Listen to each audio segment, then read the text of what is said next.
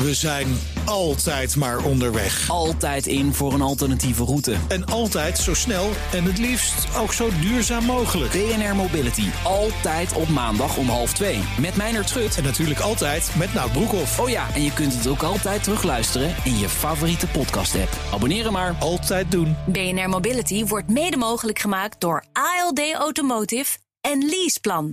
Iedere woensdag spreek ik Marcel Beerthuizen van sponsoringadviesbureau Big Plans over de ontwikkeling op het terrein van sport en economie. Goedemiddag Marcel. Hoi, goedemiddag Thomas. Het is inmiddels 10 maart. Dat betekent dat het twee dagen geleden 8 maart was. Internationale Vrouwendag. Een goede gelegenheid om eens stil te staan bij de rol van vrouwen in sport. En met name de Nederlandse sport. Nou, volgens mij drijft die Nederlandse sport voor een belangrijk deel op vrouwelijk sportsucces. Ja, dat is zo. Eh, alleen dit afgelopen weekend al, hè, met, met de succes in de atletiek. Eh, eh de, de vrouwenhockeyers die wonnen. We hadden natuurlijk Suzanne Schulting bij het short track. Enorm succes. Uh, enorme successen. Maar eigenlijk al onze Olympische successen sinds 2000 uh, won 70% van alle Nederlandse deelnemers, die, uh, of dat waren vrouwen die medailles wonnen. Dus de, de, de vrouwen zijn ontzettend belangrijk geworden voor onze sportsuccessen. Springen sponsors daar dan ook op in? Die weten dan misschien dat het bijna succes gegarandeerd is.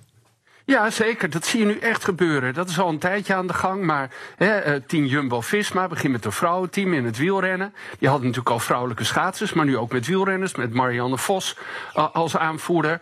Uh, puur Energie, hè. er is nu ook een titelsponsor van de Eredivisie Vrouwen. Nou, daar hebben we het hier ook al eens over gehad.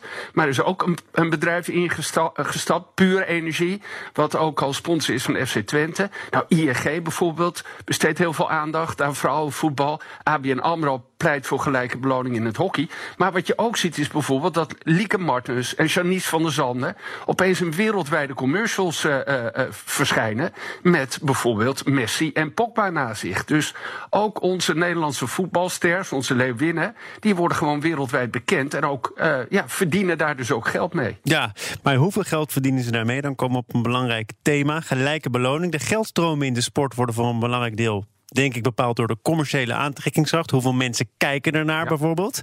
Uh, is er dan nog veel ongelijkheid als het om de beloning van vrouwen in de sport gaat? Nou ja, eigenlijk als je naar prijzengeld kijkt, dan gaat dat best heel goed. Zeker bij grote internationale evenementen wordt dat steeds meer gelijk getrokken. De BBC doet om de drie jaar een onderzoek. Die hebben ook net weer een onderzoek daarna gedaan. En die constateren ook dat het steeds meer naar elkaar toeschuift. Er is nog wel een groot verschil in voetbal, in golf, in basketbal en wielrennen. Als je winnaar wordt bij het WK voetbal als vrouwenteam, als vrouwenland, krijg je 4 miljoen. En bij de mannen krijg je bijna 10 keer zoveel, 38 miljoen.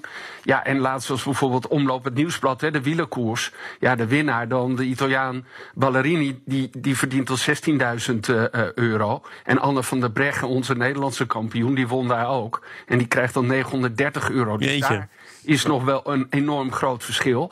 Maar het kruipt wel steeds uh, uh, dichter naar elkaar toe. En je ziet bijvoorbeeld ook bij de KNVB, als het gaat om de beloning van de internationals, dat dat heel erg naar elkaar toegeschoven is. Dus dat is op zich een hele goede ontwikkeling.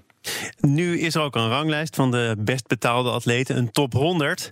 Kom je daar uh, zonder al te goed te zoeken ook vrouwen tegen in de bovenste regionen? Nou, dan moet je inderdaad goed zoeken. Meestal staat er eentje in. En, en dat is dan meestal een tennister. Uh, en dat was dan heel. De Steffi Graaf is dat ooit geweest. En uh, Serena Williams. Die staat er nu nog steeds in. Maar er is er wel één bijgekomen die haar ook ingehaald heeft. Dat is Naomi Osaka. Hè, de Japanse-Amerikaanse tennister. Die staat dan op de 29ste plaats verdient al 34 miljoen in 2020. Heel veel door via sponsorcontracten. Wat wel leuk is dat uh, steeds meer vrouwen, dat zie je ook bij de mannelijke atleten, maar ook steeds meer vrouwen die veel verdienen, gaan dat ook investeren in sport. En uh, uh, Osaka doet dat ook. Die investeert in een voetbalclub. Die heeft ook gezegd: ja, ik heb vroeger ook voorbeelden gehad in mijn sport. Die zijn zo ontzettend belangrijk geweest. En ze heeft ook met drie andere vrouwelijke atleten een investeringsfonds opgericht. Dus je ziet ook op, op, dat manier, op die manier dat ze het geld op een goede manier laten rollen en ook weer terugbrengen in de sport. Dus denk ik een hele mooie ontwikkeling. Tot slot wil jij er ook nog een bijzondere vrouw uitlichten die deze week in het nieuws was. En uh, vanwege tragisch nieuws eigenlijk. Om wie gaat het? Ja, om Bibian Mentel. Uh, die zoveel heeft gewonnen op, op, op het sportveld. Maar ja, de strijd tegen kanker gaat ze verliezen. Zij is een enorm voorbeeld voor sporters met een beperking. Maar eigenlijk voor, voor wie niet is zij een, voorbeeld. Hè. Zij is echt een geweldige vrouw die heel veel mensen inspireert. Ze heeft haar eigen foundation, de Mentality Foundation.